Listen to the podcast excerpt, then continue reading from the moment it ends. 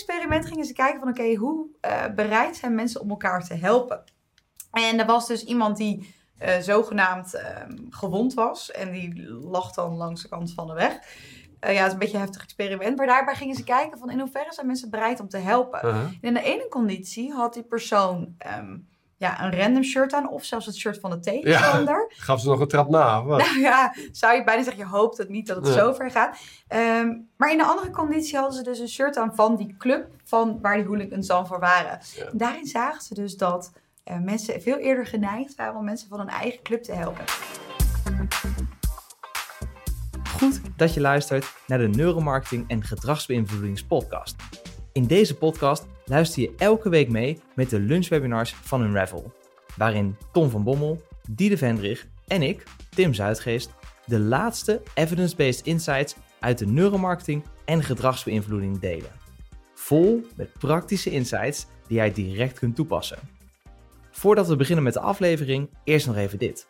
Luister je graag naar deze podcast, maar zou je graag live vragen willen stellen en de key insights willen ontvangen? Schrijf je dan in voor onze webinars via unravelresearch.com. Zo mis je nooit de nieuwste evidence-based insights. Goedemiddag en welkom bij helaas geen live webinar, want we hadden ja, wat internetprobleempjes vandaag. Ja, al drie uur. Proberen drie uur. inderdaad in, in, in de kelders van dit pand eh, Letterlijk, ja. routers te resetten, kabels te vervangen. En nou we hebben echt elke poging gedaan het internet weer aan de praat te krijgen. Maar het lukt echt niet. Er is wel wifi bekabeld. Het, eh, het ligt er helemaal uit. Dus Ja. het is nu wel gewoon 12 uur. We nemen het webinar op. En Zeker. we hebben iedereen eh, vlak van tevoren een mailtje gestuurd dat het hem helaas niet wordt. Maar dat ze natuurlijk wel de opnames krijgen. Dus dat is de video die we eigenlijk dus nu opnemen. Yes, dus eh, laten we vooral niet te lang daarin blijven hangen. Helaas, eh, volgende keer hopen dat we weer lekker live kunnen doen. Maar voor nu gaan we het gewoon even op deze manier doen. Ja, want we gaan het vandaag hebben over psychologie. En dat is Voor de verandering. Voor de verandering gaan we het gewoon eens een keer hebben over psychologie. nou, het is best leuk toch om het daar een keer over te Een hebben. spoedcursus psychologie. Een spoedcursus, ja. En eh, waarom nou een spoedcursus? Dat is natuurlijk de vraag. Maar ehm, om daar een klein beetje in te duiken, heb ik hier een mooi eh, voorbeeld van een campagne waar ik eh, in getagd werd een tijdje geleden op LinkedIn. Waarop staat zeker 30.000 Nederlanders kijken kinderporno. Jij ook? Toen moesten ze gelijk aan jou denken. Op, op Nou, LinkedIn. wat is dit nou weer? Eh, Je zegt, ik word getagd bij deze campagne. Dus dat heeft wat meer achtergrond nodig, denk ik. Nou. eh. Die zal ik even toelichten. Ehm, hij vroeg erbij een hele goede vraag. Wat vind jij van deze campagne? Ehm, vanuit mijn gedragspsychologische insteek. Eh, daarom werd ik erin getagd. En dat vond ik een hele goede vraag. Want ik schrok namelijk Hmm. best wel van deze campagne. Want het doel van deze campagne is, neem ik aan, geweest om mensen bewust te maken van het feit dat er nog veel te veel mensen kinderporno kijken. Mhm. Super serieus probleem natuurlijk. Ehm, maar deze campagne is een beetje tricky. Ehm, want, nou ja, we hebben voor de mensen die vaker kijken, en misschien zelfs het webinar specifiek over social proof hebben gezien, ehm, weten we dat mensen ontzettend hard geneigd zijn om gedrag van andere mensen te volgen. Ehm, dat gebeurt zowel echt letterlijk fysiek, dus in de winkel op het moment dat wij eh, ergens eh, zien dat veel mensen bepaalde producten bekijken of dat het populaire zaken zijn, dan zijn we geneigd die ook te bekijken. Maar dit gebeurt ook natuurlijk op een wat meer indirecte manier. Dus door te weergeven dat nog zoveel mensen kinderporno kijken, ja, laat je eigenlijk onbewust zien dat dat nog best wel normaal is. Eh, Wat het natuurlijk niet is. Ehm, dus dat is natuurlijk hartstikke gevaarlijk. En ja, de hele reden dat ik deze laat zien is omdat binnen nudging campagnes of binnen marketing nog best wel vaak het voorkomt dat mensen net eventjes niet de psychologie achter bepaalde communicatie helemaal begrijpen. Wat er soms toe kan leiden dat er eh, ja, vrij ernstige dingen gebeuren. En de ene keer is het natuurlijk erger dan de andere keer. Maar ja, dit was wel eentje waar ik eventjes eh, van schrok, laat ik Ja. maar zeggen. En dit zien we vaak. Dat een rationeel, goed bedoelde boodschap, Ja, psychologisch onbedoeld, eh, op hele verkeerde knoppen eigenlijk drukt. Waardoor je Mm. soms echt het ongewenste effect alleen maar versterkt. ja. Zoals in dit geval met een sociale norm eh, komen. Ja. Precies. En kijk, eh, we kunnen natuurlijk niet uh, binnen dit uurtje wat we hebben de volledige psychologie achter menselijk gedrag uitleggen. Dat gaan we ook niet Mhm. proberen. Uh, maar we gaan zeker een mooie basis leggen om eens te kijken van, hé, hey, wat zijn nou echt ja, belangrijke technieken waarvan je zeker op de hoogte moet zijn mocht je aan de slag willen gaan met gedragsverandering of marketing. Want in beide gevallen speelt psychologie natuurlijk een grote rol. Maar dat gaan we niet doen voordat we de prijs van vorige week eventjes gaan uitreiken. ja, zeker. Want uh, voor de mensen die vaker kijken, we hebben um, sinds kort leuke merchandise. Nou ja, prijzen moeten we zeggen. We werden laatst gevraagd mm. of je ze ook kan kopen. Nou, helaas toch niet, want ze zijn Moet ze winnen. zeer exclusief. Ja. En dan zie je deze voorkant en dan denk je, een raffle mok. Waarom zou ik dat willen? Nee. Door de achterkant. Maar dat heeft te maken met de achterkant. Want aan de achterkant staan hele leuke biases, menselijke denkfouten zo gezegd, doorvertaald naar, uh, nou in dit geval dit uh, bakkie koffie. Want vorige week uh, heeft degene, we waren alle twee helaas niet bij, dus we weten niet wie er heeft gewonnen. Maar mocht je er weer zijn, gefeliciteerd. Er staat op, je hebt me nu alvast, dan kan je net zo goed een lekker bakkie drinken. En dat is natuurlijk het sunk cost effect. Ja. Zo heb ik net vanuit mijn ooghoek kunnen aanschouwen. Enigszins ook het commitment principe heeft ook veel met elkaar te maken. Maar zodra we ergens een stapje in hebben gezet of in geïnvesteerd zijn, dan maken we dat snel af. Ook al is dat niet altijd de beste keuze. Ja. Dus uh, ja, elke bak een nieuwe bias. Dus deze die gaat naar de winnaar van vorige week. Waar wij overigens allebei niet bij zaten. Dus de naam die ontschiet ons even. Uh, normaliter reiken we natuurlijk de mok uit aan de allerbeste vraag van het webinar, dat in de live chat uh, gevraagd kan worden. Helaas, omdat we natuurlijk nu niet live zijn, kan dat niet. Dus schuift de uh, bakkie bias van volgende week, ja. of van deze week eigenlijk door naar... Bakkie bias, ja. Een bias bakkie. Ja, leuk. Dat is eigenlijk best een goede naam. Nou, zeker. Uh, grappig, we hadden ja. vorige week echt uh, um, dat we letterlijk dit ervaarden. We stonden namelijk in de rij voor een achtbaan in een pretpark. Ja. Die nogal lang duurde, want het was ontzettend druk. Um, en dan kan je dus denken van ja, je staat al een uur in de rij. Ja, dat heb ik nu al weggegooid, dus blijf ik maar staan om die rij af te maken. Ja. Maar we hadden dus echt zo'n psychologisch nerdengesprekje met elkaar van... Ja, dit is wel de Zunkels fallacy, hè? dus misschien kunnen we beter toch maar uit de rij gaan. Dus dit hebben we letterlijk gedaan, want het was Ja. toen op dat punt Wat nog goed. een uur wachten. Dus we hebben onze eigen bias overwonnen. Ik vind dat heel sterk. Ja, ik moet zeggen, het voelde niet per se heel goed hoor, om al toch een, rij, Nee. een uur eh, in de rij te staan. Dan, the throwing good money after bad. Of in dit geval gewoon stoppen met waar je in geïnvesteerd bent. Ja. Ja, hoe naar had je gevoeld als je nog twee uur in die rij had? Exact, dus dat eh, los van dat we die tijd ook niet hadden. Dus dat speelde er ook een klein beetje mee. Maar goed, ehm, voordat we hier eh, uren op blijven hangen, laten we Mhm. lekker gaan beginnen. Want we hebben eh, heel wat mooie onderwerpen vandaag. Allereerst gaan we eens kijken naar, ja, waarom is dit nou zo belangrijk? We hebben net natuurlijk al een mooi voorbeeld gezien van waarin het wel eens misgaat. Maar we hebben nog een aantal leuke voorbeelden om toch nog even het belang daarvan te illustreren. Nou, daarna gaan we eventjes kort induiken op aandachtsprocessen in het brein. Eh, hoe werkt aandacht nou en waarom werkt dat zo? Nou, daarna gaan we kijken naar, eh, voor wie hem nog niet kent, Cialdini eh, en de diep gewortelde psychologische principes die bij ieder mens toepasbaar zijn. En bij ieder mens ook ehm, ja, echt aanwezig. Dus dat zijn, nou, het is echt wel een mooie eh, basispsychologie, maar we hebben zeker wat leuke voorbeelden voor de mensen die hem wellicht al wel kennen. En tot slot, ehm, nou ja, nog wat andere technieken die echt vaak terugkomen in onze projecten rondom nudging en gedragsverandering. eh, waarvan we dachten dat het zeker ook eh, waardevol kan zijn om die vandaag met je te delen. Dus allereerst nog wat mooie voorbeelden, of ja, mooi, het is maar net hoe je het ziet. Waarom is het nou zo belangrijk om je psychologische kennis te hebben? Nou, omdat het dus al nog eens fout gaat. Ehm, en de eerste die ik daarvan wil laten zien is deze. Dat is een campagne waarbij ze studenten minder wilden laten binge drinken. Ofwel in grote hoeveelheden eh, biertjes atten of shotjes of noem maar op. Alcohol consumeren. Alcohol consumeren. Nee, ik, ben, ik ben heel gecharmeerd van de concrete bewoordingen. Biertjes atten en wat was de tweede? Shotjes drinken. Psychologisch, hoe concreter iets omschrijft, hoe beter het beklijft. Exact. Nou, Ja. dat was precies wat ik probeerde. Maar voor degenen die net hebben opgelet en wellicht dus al het webinar over social proof hebben gezien. Wat gebeurt er hier? Nou, misschien kun jij het eh, uitleggen. Nou, als jij... Kijk, de, de- de basis is überhaupt dat omdat binge drinking heel zichtbaar is en Ja. niet drinken eigenlijk per definitie onzichtbaar is. Dus mensen die thuis blijven zie je niet. Overschat vrijwel elke student het alcoholgebruik van medestudenten. Ja. Dus dat is even de basis waar we dan vanuit moeten gaan. Als je aan mensen of studenten vraagt hoeveel eh, biertjes denk je dat de gemiddelde student in de week at, om het even in die taal te, te gieten, dan overschatten ze dat vaak met wat er feitelijk eh, gedronken wordt.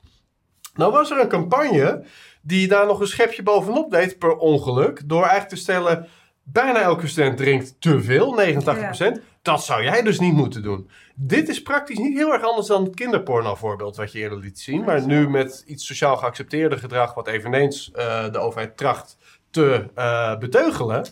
Eh, namelijk te veel drinken, doet iedereen, moet jij dus niet doen. Dat is echt een rationele boodschap. Door juist soort van rationeel het heel groot te maken, denkt de, in dit geval is de overheidscampagne, eh, denken ze dat je daarmee het probleem als het ware belangrijk, urgent maakt, waardoor je gedrag verandert. Maar het tegendeel is waar, je maakt het probleemgedrag geaccepteerder. Ja. Want we volgen het gedrag van anderen. En als het probleem groot is, doen dus veel andere mensen Ja. het ook. Dat is wat er gecommuniceerd wordt. En dat is natuurlijk een lastige, want vaak zitten mensen een soort van in de tweestrijd tussen van ja, we moeten wel het probleem zichtbaar maken. En dat is iets wat ze hier ook zagen, waarbij op een gegeven moment kwam natuurlijk die boodschap van is het niet eh, shocking dat maar 25% van boardmembers vrouwen zijn?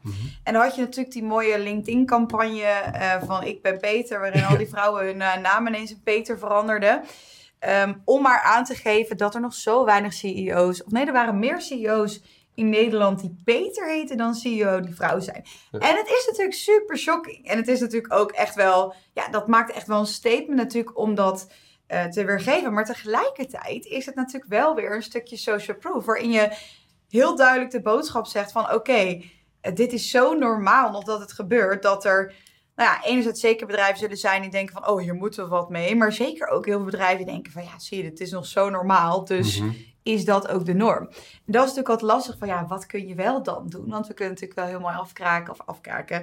eh, zeggen dat het gevaarlijk is. Maar ja, wat kan je wel doen? Want daar zit natuurlijk een uitdaging in. Mhm. Ja, nou, en het leuke daarbij is, er is altijd, of altijd, is heel vaak toch social proof mogelijk in positieve zin. Ondanks dat wellicht het gedrag wat je wil dat men doet, nog de minderheid is. Dus niet drinken in het geval van studenten of vrouwelijke CEO's. In het Ja. geval van hier, eh, van de Peter-campagne zou ik maar zeggen. Eh, wat je bijvoorbeeld wel kunt communiceren is, tussen 2010 en 2020 is de, het aantal vrouwelijke CEO's met 130% toegenomen. Ja. Dus dat je focust op de trend van de social proof in plaats van de absolute social proof. Ja, daar noem je meteen hele mooi inderdaad. Omdat dat ehm, ja, soms inderdaad lastig is in absolute getallen uit te drukken. Maar zo'n trend is natuurlijk super waardevol. Want het klinkt natuurlijk ook meteen enorm. Want dat is het ook. Terwijl er misschien de absolute getallen niet, zo, eh, niet direct denderend hoeft te zijn. Maar Mhm. zeker eh, super waardevol om dat op die manier te doen. Ik mag hem niet doorklikken. Oh, we moeten dit eh, afkijken. We moeten per se even luisteren naar die vrouwen die Peter heten. Ja. Goed, yes, we mogen door. Ehm, eh, deze vind ik ook een mooie, omdat het een hele interessante is. Mhm. Ehm, soms wordt gedacht van, oké, en deze is wat meer de marketinghoek, is ook wel leuk om die er eventjes in te brengen. Ehm, is er een probleem, zo gezegd, met dat mensen hun giftcards maar niet gebruiken? Dus wat ze dan soms denken van, ja, weet je wat we doen? We verlengen de eh uitgiftedata daarvan, want dan hebben mensen langer de tijd en Ja. zullen ze het waarschijnlijk meer gaan gebruiken, want ze hebben langer de tijd. Nou, wat gebeurt er? Precies het tegenovergestelde. Omdat mensen denken, oh, ik heb nog zo lang de tijd, eh, gebruiken ze hem helemaal niet. En dit is natuurlijk op verschillende dingen toe te passen. Ook als je kijkt naar retourneren, wat soms voor een webshop dan weer gunstig is. Vaak wordt krampachtig gedacht van, oh, als we die eh retourdata maar kort maken, eh, dan zullen misschien minder mensen daar gebruik van maken. Maar eigenlijk is het juist mensen, ehm, als mensen daar bewust van zijn, juist de reden om er wel gebruik van te maken. Omdat ze denken, oh, we hebben maar twee weken. Terwijl wat heel vaak gebeurt op het moment dat eh, die data heel lang is, dus je hebt bewijs van vijf maanden om het te doen, vergeten mensen, het, doen ze het helemaal niet Ja. omzettechnisch voor de website eh, vaak beter. Maar goed, waarom ik hem vooral eh, erin heb gezet is om te laten zien hoe niet rationeel die psychologie daarachter weer is. En dat is natuurlijk heel vaak het geval. Mhm. Wat het soms lastig maakt wanneer je gedrag wilt beïnvloeden om dat op de juiste manier te doen. Als je die kennis van die psychologie niet in huis hebt. Dus daarom goed dat je er bent. Daar gaan we vandaag wat aan doen. Ehm, en laten we daar eh, snel mee verder gaan. We gaan naar aandacht. Ja, Ja, want heel veel vormen van beïnvloeding en communicatie, die starten natuurlijk met aandacht. En we gaan zo dadelijk kijken enerzijds hoe je dat kunt grijpen en hoe aandacht eigenlijk werkt in de basis. Maar daar zat nog koffie in, hè, Diede? Ja. Dus, eh, moest van het theezakje af en ik zat lekker een bakje koffie te drinken. En eh, die kan ik niet meer gebruiken. Maar goed, dat is ook aan. Wanneer er iets onverwachts gebeurt, dan ververst dat je aandacht. Dus Ik dacht, momenten ik dacht nog, ga jij door of ga jij hier wat van zeggen? Waarschijnlijk ga je wat van zeggen, maar ik had niet echt een andere optie. Ik het lullig om hem in de mok van de prijs weer Nee, daar, daar, daar, daar had je inderdaad echt niet mee weggekomen. Dus ik ben voor de betere optie gegaan. Heel goed. Ja, precies. Ehm, maar wat ik ook wil illustreren is hoe aandacht, gek genoeg, eh, niet objectief is. Dus zelfs als we iets verwerken, dan kan die realiteit voor de ene persoon heel anders zijn dan de andere. Klinkt een beetje zweverig, maar we gaan het gelijk heel concreet maken. Want eh Dieder, kijk eens naar deze afbeelding en als jij er thuis kijkt of op kantoor ook, wat zie je hierin? Wat ik erin zie. Ja, zeg maar. Ehm, Je, je kunt twee dieren noemen. ja, ik kan twee dieren noemen. Ja, en ik zie, het gekke is, ik zie, ik zie ze helaas dus allebei inmiddels. Maar ik weet, ik kan je niet meer vertellen welke ik als eerste zag. Ik denk de haas. Een vogelhaas. Een vogelhaas, ja. Dat is het. Je kunt hier. wellicht iets te maken hebben met het feit dat ik deze afbeelding niet voor het eerst zie vandaag. Maar Nou, ik, ik heb toch altijd, ik zie of het een of het Ja? ander. Oh, dat is toch cool. een beetje waar ik naar, als ik naar het oog kijk, dus rechts, dan eh, kun je de snuit van de haas zien. En dan zijn de oren links. Maar als je juist op die oren focust, zien veel mensen er een vogel in. Ja. Nou, dit is wat we kennen als een visuele illusie, een eh, multi-interpretabele afbeelding, ambiguë afbeelding. Ehm, het grappige daarvan is dat, oh, daar ga ik hem even hier stoppen. Dat eh, wanneer je dit bijvoorbeeld vraagt aan kinderen, veel meer kinderen er een haas in zien dan volwassenen. Zeker als het paas is, 100% zien Ja. er dan een haas in. En wat dat illustreert is dat wat top of mind is, kleurt hoe jij een ambiguë werkelijkheid ervaart. En dat is hier in een hele fundamentele vorm gegoten, maar dit gebeurt dus de hele dag. Wat jij verwacht of wat jij wil, kleurt welke informatie je wel en niet tot je neemt. En dat is een hele sterke driver van aandacht. En binnen aandacht heb je eigenlijk twee manieren om informatie tot je eh, te nemen. Dat kan zogezegd bottom-up, waarbij je eigenlijk van de individuele bouwstenen tot een interpretatie komt. Maar het kan ook top-down, wat veel vaker gebeurt. Top-down is wat je zag bij die haas. Je hebt een verwachting. Eh, bijvoorbeeld het is Pasen. Nou, dat kleurt als het ware je perceptie. En dat zorgt ervoor dat je bepaalde delen van de werkelijkheid wel verwerkt en bepaalde delen niet, die overeenkomstig zijn met Ja. die verwachtingen. En dat helpt ons enorm, want top-down aandacht, dat stelt ons luie brein in staat om snel tot keuzes te komen. Want we willen dus eigenlijk, ehm, stel je bent in de supermarkt, je zoekt een bepaald product. Ja, wat je natuurlijk niet wil, is dat je binnen het schap elk product braaf moet gaan staan afscannen. Mhm. Soms denken supermarkten dat dat nog altijd zo werkt. Nou, zet iemand een eye-tracker op en kijk hoe iemand echt tot de keuze komt. Het gaat kriskras eh, door het schap en razendsnel. En dat komt omdat we gewoon heel snel gefocust zijn op precies wat we zoeken. Dus je verwachtingen, die kunnen kleuren wat we zien. Nou, kijken we naar bottom-up aandacht. Dus wanneer we als het ware niet zozeer verwachtingen hebben. Dan ehm, zien we hier twee advertenties. Misschien kun jij die toelichten, Diede. Want jij hebt hier een mooie selectie van gemaakt. Zeker. Ja. Dat kan ik. Nee, ehm, wat ik hiermee wilde illustreren is dat op het moment dat je. eh, kijk, we hebben, we hebben sowieso een bepaalde vorm van aandacht. Die bottom-up aandacht, die ehm, zeg maar zorgt dat je altijd aandacht hebt voor bijvoorbeeld dingen die veranderen in de omgeving. ehm, dingen die ons helpen te wijzen op gevaar.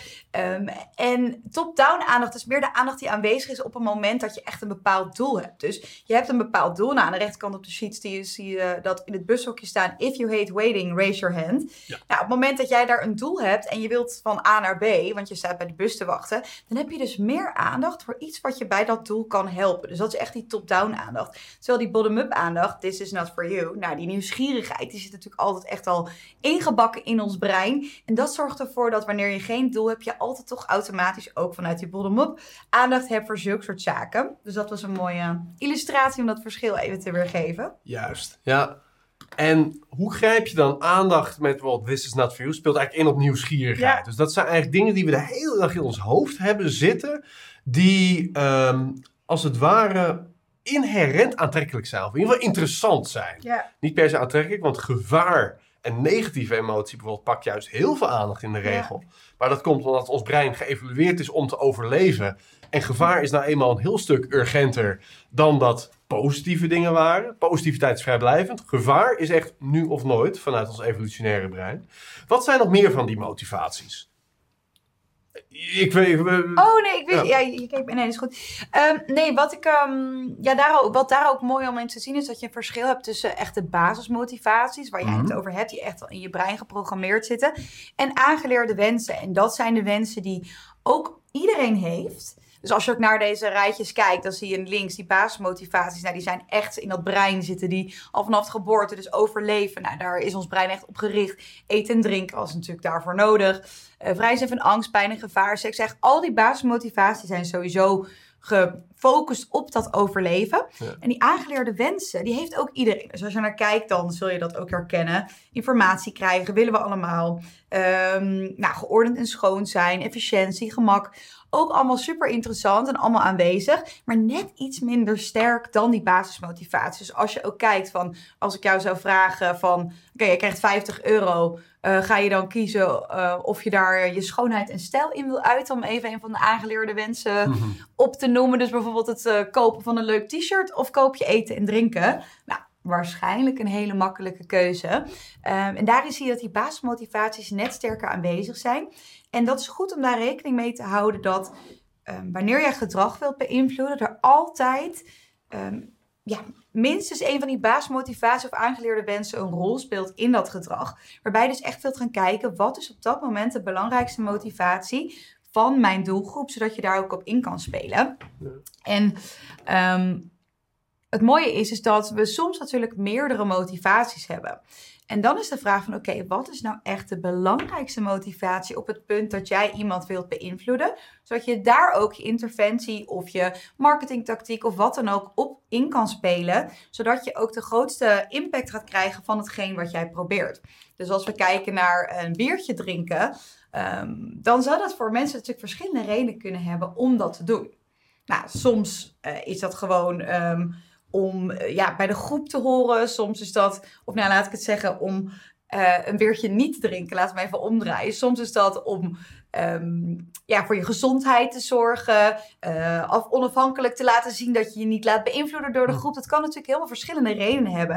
En daarbij wil je altijd gaan kijken van oké, wat is op dit moment nou de belangrijkste drijfveer, zodat je daar echt op in kan spelen. Want nou ja, zeker als we kijken naar het maken van interventies of het bedenken van interventies, dan kan er soms worden gedacht van oké, we hebben een probleem. Dit zou wel een goede oplossing zijn, ehm, want dat is vast belangrijk voor mensen. Terwijl je echt wil kijken van nee, wat is nou nu het allerbelangrijkste, zodat je echt goed de juiste technieken en tactieken in kan zetten om uiteindelijk ook echt effectief te zijn. Juist, ja. Het begint altijd met motivatie. Dus bijna al ons gedrag doen we met een reden. Die Ja. reden is wel heel vaak onbewust. Ja, exact. Ehm, en dat sluit trouwens heel erg goed aan op het volgende aspect, namelijk ons luie brein. Mooi Want wellicht heb je er wel eens van gehoord, systeem 1, systeem 2. Hè, dus dat is dat ons brein eigenlijk in tweeën gedeeld is. Niet zozeer in de twee hersenhelften, maar met name dat we een gedeelte hebben dat heel erg onbewust tot keuzes komt. Dus op de automatische piloot razendsnel informatie verwerkt, veel negeert. En dat doen we het merendeel van de dag. Daarnaast hebben we systeem 2. Dat is het systeem waar we bewust van zijn. Wat traag informatie verwer- verwerkt en wat wel overwogen tot keuzes kan komen. Maar juist door het paradoxaal dat we alleen maar bewust zijn van systeem 2, denken we ten onrechte dat we alles eigenlijk onbewust, of eh, dat alles eh, bewust eh, gekozen wordt. Terwijl het tegendeel waar blijkt te zijn. En daar wordt wel eens de percentages 95%, 5% eh tegen aangegooid Precies. tot de komma af. Ja, dat moet je met een korrel zout nemen van, van wat ben je daar überhaupt exact aan het optellen. Het, eh, waar het met name om gaat is dat het merendeel van wat we doen onbewust gaat. En daarmee bedoel ik niet eens zozeer het merendeel van de keuzes. Want als je naar de supermarkt kijkt, is het niet zo dat als je aan het eind van de winkeltrip daar met je mandje staat, je daarin kijkt en voor 35% van het product, hoe komt dat daar in godsnaam? Maar het is met name dat alle stapjes voorafgaande aan die productkeuze, die zijn onbewust. Dat jouw oog daar in het schap viel. Dat dat product als het aantrekkelijke product viel. Dat je denkt, nou die prijs kan ik wel, eh, wel hebben. Dat zijn allemaal onbewuste razendsnelle conclusies. En dan is die laatste 5% puur de keuze, die pakken we, die gaat mee naar huis. Dus juist in die 95% waar heel veel onbewust gebeurt, valt heel veel effectiviteit te bereiken om dus gedrag te beïnvloeden. En vervolgens gaan we met die 5% dat gedrag achteraf rationaliseren. Ja. Want we zijn ons zelden bewust van de werkelijke redenen waarom we doen wat we doen. Dan gaan we vervolgens kijken naar hoe je dat met bijvoorbeeld communicatie en dergelijke kunt eh, beïnvloeden. En daar eh, zijn eh, nou ja, heel veel onderzoeken naar gedaan. En een hele bekende naam, kan je wel noemen, de godfather eigenlijk van de toepassing van psychologie in gedragsbeïnvloeding en deels ook in marketing, is Robert Cialdini, eh, de sociaal psycholoog. En die nou, heeft denk ik nu al 40 jaar lang aan eh, onderzoek en, en boeken op zijn naam staat over, staan over gedragsbeïnvloeding. En hij is met zes principes gekomen. En die heeft eigenlijk, is hij in de eerste jaren van zijn onderzoeksleven gewoon een paar jaar undercover gegaan. Dus hij is gewoon gaan werken bij allerlei ehm, omgevingen en organisaties waarbij beïnvloeding centraal stond. Dus van tweedehands autoverkopers tot eh ober in restaurants klantenservice, eh, copywriter voor telemarketing, of heet het, infomercials, dus telcel-achtige dingen. Hij heeft overal gezegd om gewoon te kijken met welke technieken wordt gewerkt. Daarna is hij de jaren daarna terug in het lab gegaan, is hij het gaan onderzoeken. En heeft hij uiteindelijk zijn onderzoeken gedestilleerd tot deze zes principes. Dus ja, dat lijkt me wel leuk eh, voor jou om uh, te doen. Ja, dat is helemaal goed. Ja, we gaan ze niet alle zes behandelen, want anders dan eh, zou dat uurtje toch weer eh, te kort zijn vandaag. Maar we hebben er een paar uitgekozen die we eventjes eh, ja, wat, wat leuke voorbeelden van willen delen om je toch wat meer kennis te laten maken. Of nog wat dieper erop in te laten gaan, mocht je ze al een keer hebben gezien. En een van die principes die voor iedereen werkt, is het wederkerigheidsprincipe. En dat principe legt uit dat wij mensen, wanneer iemand iets voor ons doet, en dat kan van alles zijn, Ehm, dat we een bepaalde drang voelen, al dan niet onbewust, om iets terug te doen. Ja, dit eh, kennen we natuurlijk al helemaal van vroeger uit. Want als jij toch op iemands kinderfeestje werd uitgenodigd vroeger, ja, dan moest je die persoon toch ook wel op jouw feestje uitnodigen. Anders was dat toch wel een beetje lullig. Zo werkt dat. Ja, precies. En dat is natuurlijk een heel eh, duidelijk voorbeeld. Maar er zijn echt ontzettend veel onderzoeken gedaan waarbij ehm, ja, het soms veel subtieler ook is. En wat ook wel interessant hieraan is, is dat een wederkerigheidsprincipe um, ook laat zien dat de gunst of hetgeen wat je voor iemand doet niet altijd hetzelfde hoeft te zijn. Maar dat bijvoorbeeld, um, het was een onderzoek waarbij ze zelfs een blikje cola aan iemand gaven en vervolgens om een heel ja, irrelevant verzoek vroegen. Maar dus simpelweg al dat blikje cola kon er al voor zorgen dat ze toch een beetje dat wederkerigheidsprincipe voelden. Waardoor ze toch eerder geneigd waren om vervolgens op dat verzoek, wat er helemaal niks mee te maken had, in te gaan. Uh, nou ja, straatverkopers, die uh, herken je het misschien wel in als van die samples uh, uitdelen aan je. Dus dat is echt een typisch voorbeeld van wederkerigheid. Hier, ik geef iets aan jou, maar eigenlijk geef ik je toch een soort van druk om iets aan mij terug te geven of iets terug te betalen. Um, ja, dus we kunnen mooi samenvatten in als een ander mij iets geeft, dan doe ik er gunst terug. En wat we hier zien, ik zal even mijn mond houden. Uh-huh. Why would you do such a thing? I don't know, because it's Christmas? Oh, Penny. I know you think you're being generous, but the foundation of gift giving is reciprocity. You haven't given me a gift. You've given me an obligation. Don't feel bad, Penny. It's a classic rookie mistake. My first Hanukkah with Sheldon, he yelled at me for eight nights. It's okay, you don't have to give me anything in return. Of course I do. The essence of the custom is that I now have to go out and purchase for you a gift of commensurate value and representing the same perceived level of friendship as that represented by the gift you've given me. Gosh, no wonder suicide rates skyrocket this time of year. You know what? Forget it. I'm not giving you a present. No, it's too late. I see it. That elf sticker says to Sheldon. The, the die has been cast. The moving finger has writ. Hannibal has crossed the Alps. Leuk hè? Ja. Zit er gewoon even niet zo lekker tv te kijken. ja, dat is een leuke verrassing. Ja, precies. Nou, ik vind het altijd een heel grappig voorbeeldje van natuurlijk een beetje overdreven. Maar het is wel echt hoe het werkt op het moment dat jij iemand iets geeft. Kijk, en natuurlijk dan moet je absoluut niet ontmoedigd worden om cadeaus aan mensen te geven. Dat is vooral heel erg leuk. Maar er zit natuurlijk wel een keer van waarheid in dit grapje. Mhm. En dat is dat op het moment dat iemand iets voor jou doet... uh, je toch een beetje die drang voelt om iets terug te doen. Nou, dat is meer de, uh, deze, ik weet even niet meer hoe dat tv-programma heeft, maakt het op een grappige manier negatief. Maar het is natuurlijk iets wat ook heel mooi voor iets positiefs kan worden ingezet. En dat zagen ze bijvoorbeeld ook in deze campagne waarbij ze meer donorregistraties wilden realiseren. En wat hebben ze gedaan? Ze hebben echt ingespeeld op dat wederkerigheidsgevoel door te zeggen: als jij een orgaan nodig zou hebben, zou je er een aannemen van een ander. Nou ja, in principe denk ik dat voor nou, 99% van de mensen het, het antwoord hierop ja zou zijn. Want ja, als jij zelf in nood bent, dan zou je toch wel, als iemand jou eh, daarin wil helpen, zou je dat zeker aannemen. Maar tegelijkertijd laat dat mensen ook beseffen van oké, dus ik zou het wel aannemen van een ander. Maar oké, ik ben zelf nog geen donor. Nou, dat leidde hier tot nou, meer dan 100.000 extra donorregistraties. Dat vond ik een, eh, een mooi voorbeeld van hoe dit eh, goed Ja. kan werken. Ehm, ja, autoriteit. Ook een leuke. En deze legt uit dat ehm, ja, we mensen met autoriteit minder kritisch behandelen. Als, in, als iemand jou iets vertelt ehm, met autoriteit. En dan moet ik natuurlijk niet altijd te veel vertellen, anders verpest ik weer mijn hele experiment. Dan, dan gaan we eerst het experiment doen. Laten we dat Ja. doen. We gaan eerst het experiment doen. Dit was een onderzoek waarbij ze de hersenactiviteit van twee groepen mensen in kaart hebben gebracht.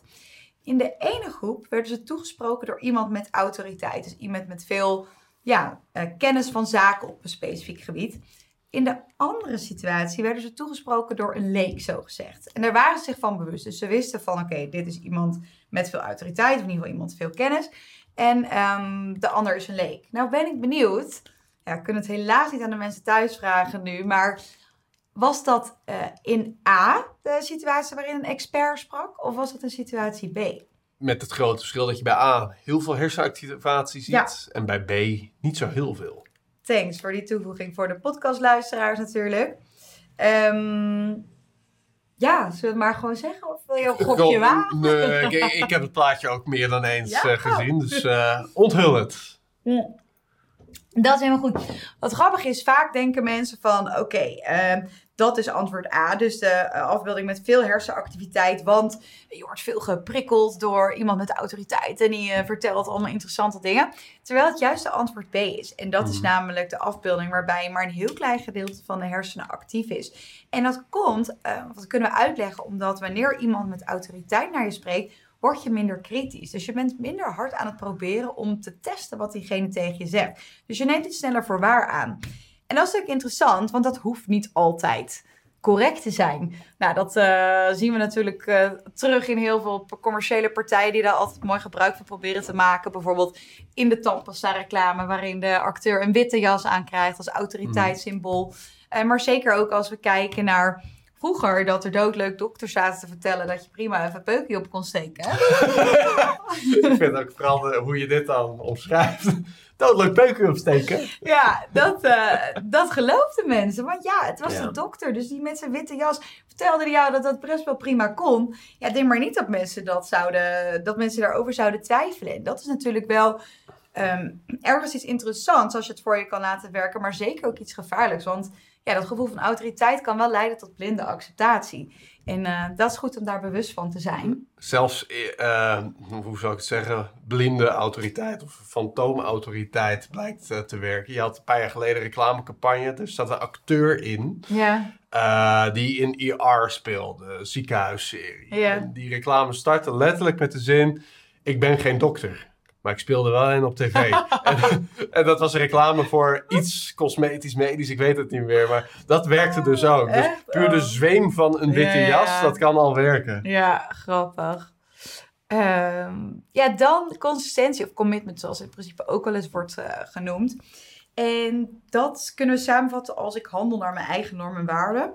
Ehm, maar ook wel als we ergens aan beginnen, dan zijn we geneigd om dat af te maken. Omdat, nou, we hadden het er net natuurlijk over, maar op het moment dat we ergens moeite in stoppen, en dan voelt het niet prettig om daarmee te stoppen. Zeker wanneer we die moeite ook even extra bewust maken. Ehm, daarnaast kan in principe goed worden toegepast door mensen ja, bewust te laten zeggen of uit te laten spreken dat ze van plan zijn om bepaald gedrag uit te voeren. Ehm, en dat zien we ook vaak in ja, nudging campagnes terug. Dat echt het inzetten van die commitment, dus mensen eventjes ehm, en het liefst in, eh, hoe zeg je dat, in het openbaar. Hoe Mhm. meer mensen zien dat jij hebt gezegd, ik ga bepaald gedrag uitvoeren, hoe groter de kans ook wordt dat je dit uiteindelijk zelf uit gaat voeren. Nou, enerzijds omdat we het niet prettig vinden om iets eh, te zeggen en het vervolgens niet te doen en dus niet ehm, in lijn te handelen met onze normen en waarden. Maar natuurlijk zeker ook als je daar nog een beetje sociale druk bij krijgt, Mhm. kan dat goed eh, werken. Dus ehm, ja, dat kan je bijvoorbeeld toepassen door mensen hardop te laten toezeggen. Ben je van plan deze week gezond te eten? Nou, op het moment dat mensen dat commitment maken, wordt de kans groter. Dus, Ja, dus ben jij van plan deze week gezond te eten? nou, ik kan alleen maar daarmee instemmen. Dus Zeker. ik, ik heb al... eh, ik ga vanmiddag een lekkere salade eten. Oh. Met eh melange en kikkererwtjes en zo. En Ja. Het is heel bizar. Maar Tom eet al hoe lang, denk ik? Twee jaar, drie jaar. Iedere dag dezelfde salade. Melange. ja, Misschien kikker. kikkererwtjes erin. Tomaatjes tomaatjes misschien? erbij. ja. Leuk. Misschien Nou een beetje... eh, vind je dat parm- gezond of niet? kaas nou, als ik in een gekke bui ben. Avocadootje? Avocadootje, ja. Dat maakt hem wel af. Ja, nee, dus daar eh, maken we hier soms intern wel grapjes over. Omdat ik niemand ken die zo lang precies hetzelfde kan eten. Maar gezond is het zeker, dus dat doe je hartstikke goed. Ik doe het je niet na. Ehm, ja, dan hebben we er nog eentje. En dat is namelijk eh, sympathie. En eh, dat is een mooie, want we zijn ehm, eerder geneigd om ja, verzoeken van mensen aan te nemen die we aardig vinden. En dit is wel eentje die we natuurlijk kennen vanuit, eh, of tenminste de toepassing kennen we vanuit een cosmetica merk wat dan zegt omdat u het waard bent. En eventjes een complimentje kan er dan voor zorgen dat we toch iets eerder geneigd zijn om zo'n boodschap te geloven. Sorry, en daar ook iets mee te doen. Ehm, dus ja, dit kan je mooi toepassen door mensen gewoon soms eens eventjes een complimentje te geven. En dat hoeft natuurlijk helemaal, eh, ik wil zeggen het hoeft niet gemeen te zijn, dat bedoel ik niet. Maar wat ik er wel bij wil zeggen is dat mensen ontzettend slecht blijken in het herkennen van valse complimenten. En daarmee wil ik je niet stimuleren om valse complimenten te geven. Maar meer, soms kan het een beetje ongemakkelijk voelen misschien om iemand zomaar te complimenteren. Wat eigenlijk stom is natuurlijk. Maar ja, dat is alleen maar iets wat ontzettend goed kan werken. En wat je ook nog kan helpen om uiteindelijk eh, ervoor te zorgen dat mensen eerder geneigd zijn om de boodschap die jij daarna wilt brengen. Of het verzoek wat je daarna eh, uitzet. Om mensen daar eh, eerder akkoord mee te laten gaan. Ehm, ja, dus dat is ook nog een mooie. En hoe komt dat nou?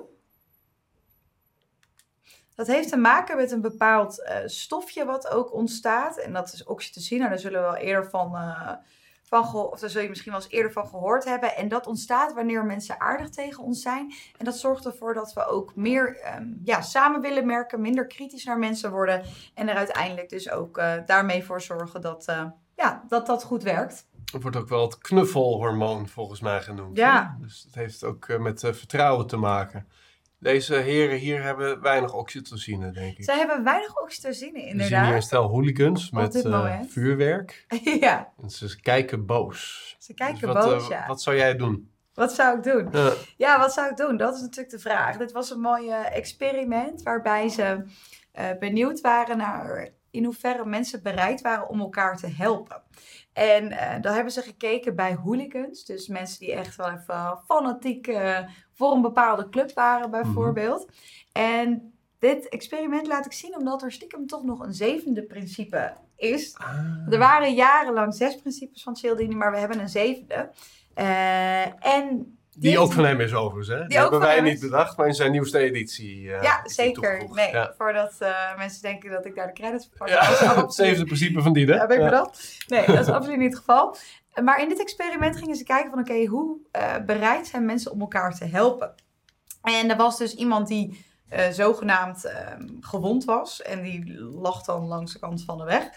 Eh, ja, het is een beetje een heftig experiment. Maar daarbij gingen ze kijken van in hoeverre zijn mensen bereid om te helpen. Uh-huh. En in de ene conditie had die persoon ehm, ja, een random shirt aan. Of zelfs het shirt van de tegenstander. Gaf ze nog een trap na? Nou ja, zou je bijna zeggen, je hoopt het niet dat het Ja. zo ver gaat. Ehm, maar in de andere conditie hadden ze dus een shirt aan van die club van waar die hooligans dan voor waren. Ja. Daarin zagen ze dus dat eh, mensen veel eerder geneigd waren om mensen van hun eigen club te helpen. En op zich, ja, bij de hooligans is het natuurlijk vrij extreem, dus zou je het misschien eerder verwachten. Maar dit is wel echt iets wat veel, ehm, ja, wat veel ehm, teruggezien wordt. En wat ook zeker wel echt een belangrijke rol kan spelen in gedragsverandering of binnen marketing. Ehm, waarbij je dus echt wil kijken van kan ik een gevoel van saamhorigheid creëren om er uiteindelijk voor te zorgen dat mensen meer bereid zijn om samen te werken, maar uiteindelijk dus ook geneigd zijn eerder om een verzoek wat jij bijvoorbeeld aan hun wilt eh, stellen, om dat ook te accepteren. En dat kan je natuurlijk op verschillende manieren doen. En soms is het ook heel grappig, want kijk, soms is een hele duidelijke oorzaak voor dat mensen die saamhorigheid voelen. Dus denk aan zo'n hooligangeval waarbij mensen eh, nou, echt voor dezelfde club zijn. Nou, dan heb je natuurlijk echt al dat gevoel van saamhorigheid. Van hé, hey, we strijden voor hetzelfde overwinning. Ehm, maar soms kan je dat ook best wel op een grappige manier eigenlijk ja, versterken of stimuleren. En dat hebben ze gedaan door in een onderzoek mensen ehm, naar dezelfde muziek te laten luisteren. Voordat ze iets moesten samen gaan doen.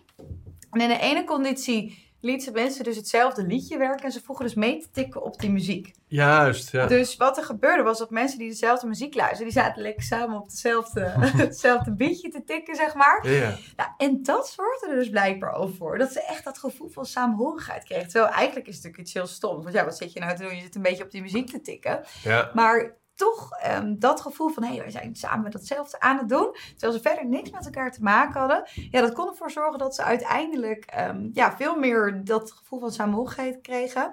En uiteindelijk ook meer bereid waren om elkaar te helpen. Dus dat is wel iets eh, ja, wat heel mooi is. En wat ook wel interessant kan worden toegepast. Dus wanneer jij bijvoorbeeld ehm, een bepaalde verandering wilt realiseren in gedrag. Ja, dan kan er soms gedacht worden van, oké, vanuit bovenaf bedenken wij van, nou, dit gaat nu gebeuren binnen de organisatie doe er maar aan mee, want dit is hoe het vanaf nu is. Wat veel beter werkt, is om mensen echt te betrekken. Ten eerste, als je eh, echt een werkwijze al hebt staan, om mensen er dan wel in te betrekken van hey, ehm, om ze toch dat gevoel van samenhorigheid te krijgen. Maar wat nog beter werkt, is echt die co-creatie. Dus kan je samen kijken hoe je in ieder geval mensen het gevoel kan geven dat hun mening heel erg te doet en dat ze samen tot een bepaalde verandering, of in ieder geval een plan tot verandering kunnen komen. Eh, waardoor mensen echt switchen van een individuele mindset naar een gezamenlijke mindset. En uh, dat uh, kan ontzettend goed werken om mensen daarin mee te laten bewegen en weerstand weg te nemen. Ik vind het grappig dat uh, onze collega Ruben, Ja. die, die organiseert wel eens brainstorms hier voor, voor Nudges. Ja. En die begint eigenlijk heel vaak met een gezamenlijke danssessie dan. Hè? Dus Ja. we staan met het hele team de Margarena te doen. Ik dacht eerst dat is gewoon puur om even de energie er gelijk lekker in te krijgen. Wat het misschien ook deels is. Maar het is tevens een soort nudge om de unity aan te jagen. En in, in het leger bijvoorbeeld doen ze het ook natuurlijk. Gezamenlijk marcheren en dat soort zaken. Ja. Dus er zitten heel veel mechanismen die eigenlijk al zo oud als de weg naar Rome zijn. Die heel erg het gevoel van in plaats van ik dat het een wij wordt. Een groep als eenheid eh, creëert. ja. Gaan we naar het laatste.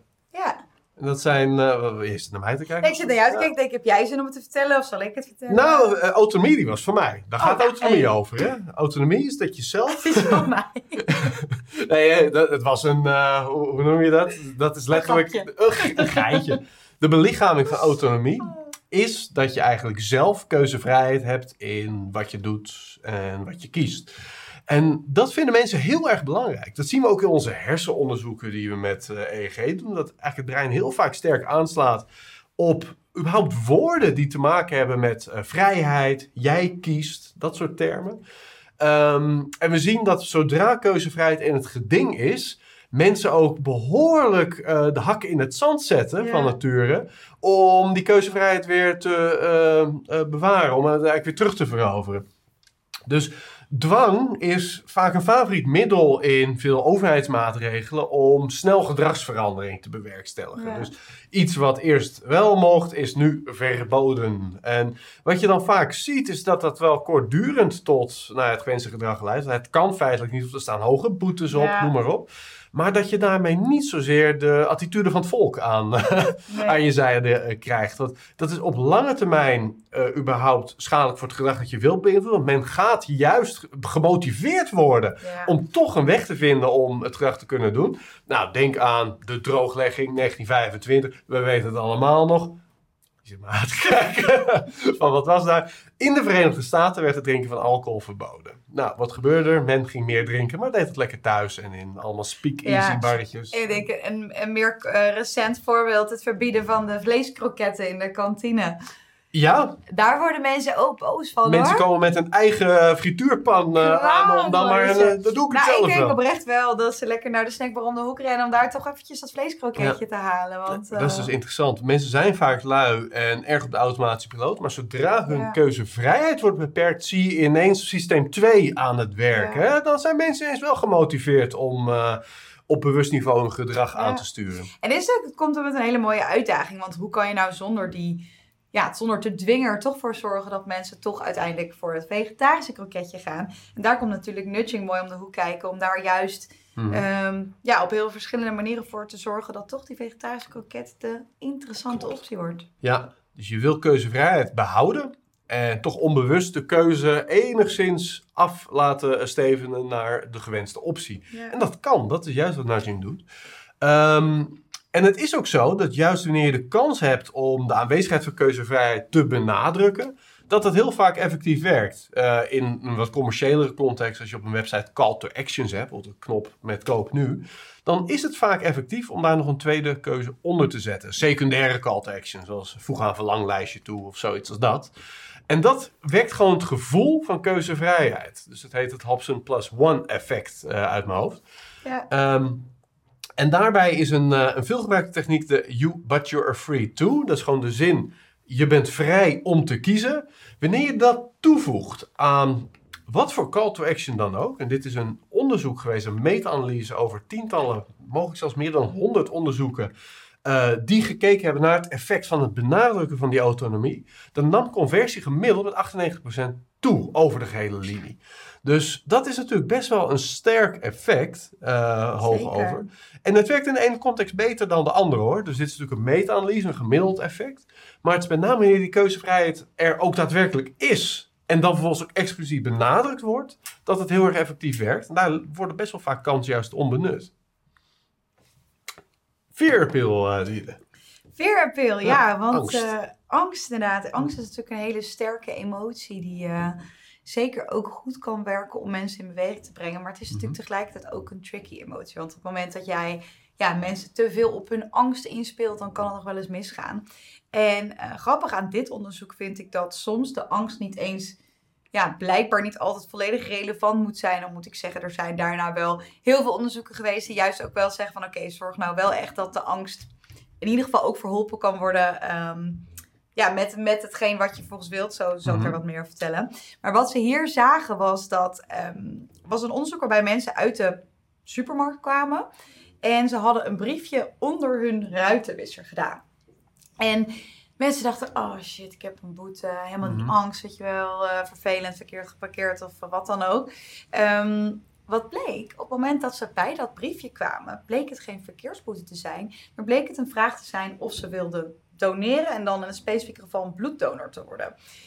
Wat ze zagen was dat in een conditie waarin ze gewoon aan mensen die uit de supermarkt kwamen vroegen: Hey, wil je bloeddonor worden? Nou, was al best wel wat eh, mensen waren daar bereid om dat te doen.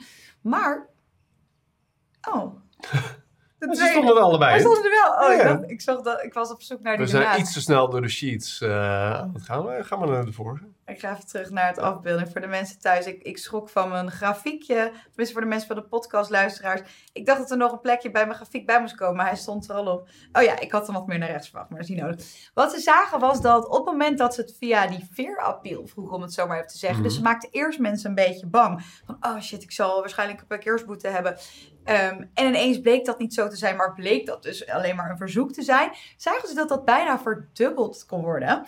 Eh, als we kijken naar hoeveel mensen bereid waren om uiteindelijk dat te doen. En dat is natuurlijk een mooi voorbeeld van hoe sterk die motivatie, dus hoe sterk die emotie eh, toch eventjes ervoor kan zorgen dat wanneer dat opgelost wordt, mensen ineens bereid zijn om dingen voor je te doen. Dat Maar- vind ik wel een leuke. Voordat we naar de fear appeal zelf gaan. Ja, Ehm, jij bent natuurlijk vorige week naar pretpark geweest.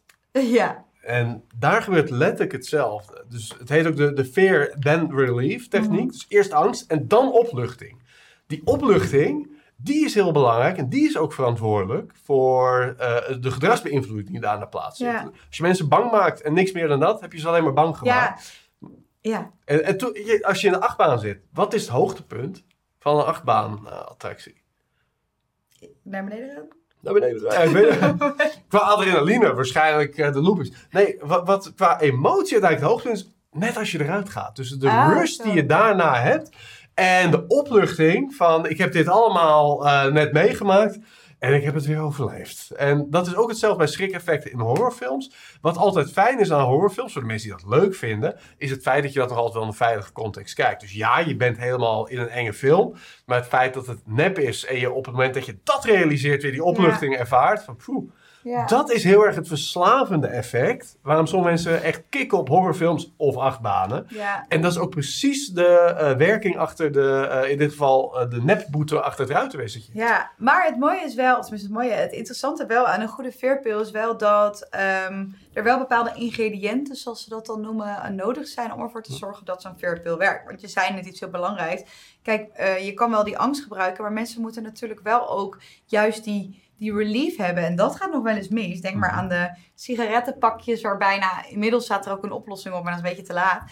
Eh, heel lang zonder dat simpelweg gewoon ja, het is natuurlijk niet echt een oplossing, moet ik zeggen. En eh, als we naar de ingrediënten kijken, weet ik ook niet in hoeverre mensen daar ook in geloven. Maar volgens mij staat er inmiddels ook een soort van eh, boodschap op naar hoe je dan kan stoppen met roken. Oké. eerst was Ja. het altijd van, ehm hey, je gaat dood, kijk maar, je krijgt een of andere enge ook huidziekte erdoor. Ik snap die, ik heb die afbeeldingen nooit zo begrepen, want ik heb volgens mij zijn het vrij heftige dingen. En ik weet niet hoe vaak dat nou echt simpelweg door de sigaret gebeurt. Maar in ieder geval, de, het idee is natuurlijk dat mensen helemaal bang gemaakt worden Ja. van oké, als je rookt, dan gebeurt dit. Ehm, maar vervolgens werkt er heel lang en wordt er nog steeds niet echt een ideale oplossing geboden om dan ook die angst te overwinnen. En dat is wel het essentiële onderdeel. Want een goede veerpil moet je eigenlijk zien als een soort van kaartenhuis. Op het moment dat je één belangrijk ingrediënt daaruit weghaalt, ja, dan werkt die veerpil niet meer. En dus wat belangrijk is, is dat nou, in eerste instantie moet de boodschap natuurlijk echt die angst kunnen opwekken. Want zonder angst heb je geen veerpil. Maar vervolgens moet je ook echt concreet advies bieden om die angst te overkomen. Dan eh, moet de doelgroep ook nog geloven dat die actie die wordt geadviseerd ook echt daadwerkelijk in staat is om die angst weg te nemen. En moet ook nog de doelgroep geloven dat hij of zij in staat is om die actie ook uit te voeren. En dat zijn natuurlijk wel belangrijke punten die er uiteindelijk voor kunnen zorgen dat zo'n veerpil ontzettend goed kan werken. Maar dan eh, moet die wel goed uitgevoerd worden. En ook daar schieten die si- sigarettenpakjes denk ik tekort. Hè? Dus in de uitvoerbaarheid. Van, de- de- ik denk dat heel veel mensen die inderdaad roken en dat misschien al 40 jaar doen, dat zien, dat geloven, maar ja, stoppen, dat kan ik nooit. Nee, precies. Dus die self-efficacy in het Engels, heet- ja, dat is Mhm. ontzettend eh, een belangrijk ingrediënt natuurlijk. Beloningen en strafdieren. Beloningen Ja. en straf. Ja, dit is een interessante, want ehm, ja, beloningen en straf. Nou, straf hadden we natuurlijk net al een beetje over in het kader van boetes of verplichten of wat dan ook. Mhm. Maar soms kunnen natuurlijk beloningen en straf super interessant zijn en ehm, zeker ook wel eens effectief om bepaald gedrag te realiseren. Maar waar je wel altijd over na wilt denken, en dat is eh, natuurlijk wel een belangrijke wanneer we ook zeker kijken naar gedragsverandering op de lange termijn, Mhm. is hoe effectief is het nou om mensen een beloning te geven. En nou, daar staat hier mooi op de sheet, als je je huiswerk doet, krijg je een snoepje. En vaak worden natuurlijk zulke soort dingen wel ingezet. Of denk aan de 2 euro munten die je vroeger bij je oma op kon halen. Tenminste, ik. Als je weer een, eh, mooi rapport had behaald. 2 euro. 2 euro, dan kon ik even, even lekker op gaan halen. kon ik een mooi eh, zelf een snoepje van kopen. Nou ja, ja. Maar ehm, wat wel tricky is soms met het belonen of het straffen ook, ehm, is dat dat in kan spelen of in ieder geval effect kan hebben op je intrinsieke motivatie. Want kijk, je hebt natuurlijk verschillende vormen van motivatie. Intrinsieke motivatie is echt iets doen omdat je het vanuit jezelf echt wil en er een goed gevoel van krijgt. Je hebt ook de extrinsieke motivatie. Dat is meer een soort van afhankelijke variabele. Nou, in dit geval het snoepje wat je dan krijgt op het moment dat je het goed doet. Ehm, intrinsieke motivatie is natuurlijk ontzettend belangrijk om ja, gewenst gedrag, of in ieder geval positief gedrag, ook uit te blijven voeren. Want dat is ja, een hele belangrijke vorm van motivatie. En iets wat je ook zeker mee wil nemen als je gedrag wilt veranderen. Dus wat we vooral hierbij willen zeggen is. Pas op met het geven van beloningen. Want in sommige gevallen kan het geven van zo'n extrinsieke beloning, dus een snoepje of geld voor iets, er wel voor zorgen dat die intrinsieke motivatie geschaad wordt. Dus op het moment dat jij naar je kinderen kijkt en eh, je beloont ze eh, extrinsiek voor het doen van hun huiswerk, ja, dan kan het natuurlijk zijn dat dat de reden wordt dat mensen dat huiswerk gaan doen. Terwijl uiteindelijk is dat natuurlijk niet de weg naar lekker leren en eh, Hmm. daar ook gemotiveerd in blijven. Dus dat is wel iets waarin de psychologie soms eh, daarachter wel belangrijk is om ervoor te zorgen dat mensen ook de juiste mindset blijven houden om gewenst gedrag uit te voeren. Ja. ja, en zeker met iets als het doen van de afwas. Ik bedoel, als je zegt eh, dat kind wil de afwas niet doen. Ja, En nou, hier heb je 5 euro, doe je afwas. Ja. Denk je dat het kind dat ook nog gratis gaat doen? Dat is exact het probleem met extrinsieke beloning Ja. bij gedrag wat intrinsiek gedreven zou kunnen zijn. ja, En je bijdrage leveren aan het huishouden zou de impliciete factor moeten zijn. Dat is moeilijker, maar het kan wel. ja. Bij sommige gedragingen is het misschien iets te hoe zeg ik dat? Ideeel gedacht dat het intrinsiek gedreven zou kunnen zijn. Dus Mhm. voor sommige zaken is extrinsieke beloning zijn nou eenmaal nodig, omdat daar geen intrinsieke motivatie, wat vaak gedreven wordt door ergens steeds beter in worden. Dat is een hele Ja. sterke drijver, intrinsieke motivatie. Of je autonomie juist kunnen vergroten. Dat is eigenlijk die basismotivatie waar we het eerder ook over Ja. hadden. Uh, maar sommige gedragingen hebben nou eenmaal niks daarmee te maken. En dan werkt beloning en straf heel uh, prima. Uh, zoals, uh, nou wat zou ik zeggen, niet met alcohol op achter het stuur. Intrinsiek zou je gedreven bijna zijn om dat wel te doen. In de zin dat het je hele autonomie heeft om, uh, het is mijn vrijheid om dat te doen, zeg maar. Ja. Dus bijna alle intrinsieke motivaties gaan tegen het gewenste gedrag daarin. Oké, okay, dan is een extrinsieke straf, in dit geval, uh, is natuurlijk volledig op zijn plaats. Ja. Dus dat even als belangrijke nuance. Zeker. Maar als het intrinsiek kan, doe het dan. Goeie toevoeging. Ja. ja. en daarmee komen we al aan bij de takeaways van dit webinar. We, zijn er, ja. uh, we hebben natuurlijk geen chat gehad vandaag. Geen, uh, Ze zijn geen... volledig op tijd klaar. Uh, Kijk, is ook wel eens een keer leuk. Ja. Ja, en we hebben natuurlijk gezien dat um, ja, soms een heel klein verschil in een ja, communicatie die je inzet toch echt een mega groot verschil kan zijn in de impact van die Mhm. communicatie. En dat is ook iets wat we natuurlijk helemaal aan het begin van het webinar terugzagen, maar zeker ook ja, in heel veel interventies helaas nog wel eens mis zien gaan, omdat net psychologie niet goed wordt begrepen. En dat is natuurlijk super zonde, want hoewel we er van overtuigd zijn dat al die interventies om gedrag te beïnvloeden echt vanuit de beste intenties worden opgezet, kan het soms ja, zo belangrijk en zo simpel zijn om net eventjes uh, toch een gedragsexpert in te schakelen om um, ja, te kijken van waar zit, ja, pakken we de juiste psychologische technieken en worden die ook op de juiste manier ingezet. En ja, we hopen dat je door dit webinar te kijken daar in ieder geval een hele mooie basis in hebt gezet. Ja, helaas natuurlijk uh, niet zo lang de tijd dat we alle psychologie uh, daarvan konden delen. Kan überhaupt niet, want wij leren zelf natuurlijk ook nog steeds bij. Maar um, ja, goed, eventjes naar de takeaways. Wat hebben we nou gezien? Ja, ben je vooral bewust van psychologische valkuilen? Dus op het moment dat jij aan de slag gaat met marketing of gedragsbeïnvloeding meer in de maatschappelijke context, ja, ben je er dan bewust van dat je dus, nou, we hebben ze hier een mooie voorbeeld staan, Ja. dat er veel denkfouten zijn, maar ook dat um, ja, die psychologie daarachter echt uh, heel belangrijk is. Um, en daarin hebben we natuurlijk gezien hoe het brein werkt, of in ieder geval een kleine basis daarvan. Um, en de vraag is, zet jij dit momenteel ook al in, in je beïnvloedingspogingen? En zo niet, nou ga dat dan vanaf vandaag absoluut doen. Um, en daarbij kun je zelf nog de vraag stellen van, laat je die psychologie over voor je werken? Uh, want er zijn ontzettend veel technieken die je kunnen helpen om je overtuigingspoging te versterken. Uh, maar je wilt daarin altijd natuurlijk ook uh, eerst goed onderzoek doen om te kijken welke factoren dat zijn. Wat nou echt de belangrijkste motivatie is van je doelgroep en hoe je daarop kan inspelen. We hebben dit uur natuurlijk heel veel mooie technieken en nudges gedeeld met, uh, met de kijkers en luisteraars. En als dat naar meer smaakt, wil ik vooral zeggen, Diede heeft een grote training gemaakt over nudging. Um, waar je nog veel meer, ook veel meer in context kunt leren over wat je allemaal psychologisch kunt doen om mensen beter te beïnvloeden. Ja. Uh, en die training die is te verkrijgen op www.unravelacademy.com. En daar staat de training nudging, heet, of de nudging training denk ik, met Diede. En uh, die is zeker van harte aanbouwen als de technieken die je dit webinar hebben, he, hebt geleerd, uh, als die naar meer smaken. Ja, en hij is nog heel eventjes uit mijn hoofd nog in de... Tot het in de early bird korting. In de early tot de allerlaatste les online staat, waar er nog twee van gemonteerd moeten worden. ja. En uh, dus dit is inderdaad nog uh, de laatste paar, twee weken denk ik, de Ja, kans zoiets. om een, tegen een riante korting te kunnen verkrijgen. Dus ga naar nogmaals www.unravelacademy.com en krijg de nudging training met korting. Yes, nou ontzettend leuk dat je er vandaag bij was. Volgende week hebben we weer een webinar. Normaal heb ik hier altijd het overzicht van de webinars. Ja, maar geen internet vandaag. Hè, dus. Vandaag geen internet. Dus uh, die uh, onderwerpen die moet ik je even schuldig Ja, blijven. en kijk vooral ook eventjes op unravelbehavior.com of unravelresearch.com slash webinars. Uh, daar kun je ook inschrijven, mocht je dat nog niet hebben gedaan, om een update te krijgen voor alle webinars. Zodat wij niet iedere week aan het einde van het webinar elkaar weer schaapachtig aankijken om te vragen Nou, wat waar we volgende week over gaan praten. um, dus dan weet je dat gewoon lekker zelf. Dan schrijf je vooral ook in voor de updates, mocht je het uh, leuk vinden om ons te volgen. En dan zou ik zeggen tot uh, de volgende keer. Voordat je gaat, nog een paar dingen.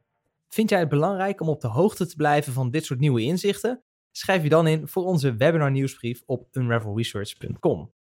Wist je trouwens dat Tom, Diede en ik ook te boeken zijn als gastspreker? Of als je meer de diepte in wilt gaan voor een in-company masterclass of inspiratiesessie? Neem voor meer informatie hierover contact op met emily at. Heb je vragen of suggesties over deze podcast? Laat het me vooral dan even weten via tim at unravelresearch.com. En als laatste, vond je deze podcast waardevol en denk je nu aan één persoon die deze aflevering ook zou moeten luisteren? Stuur hem dan vooral door. Of geef ons een beoordeling in jouw podcast-app. Zo kunnen andere mensen deze podcast ook sneller vinden.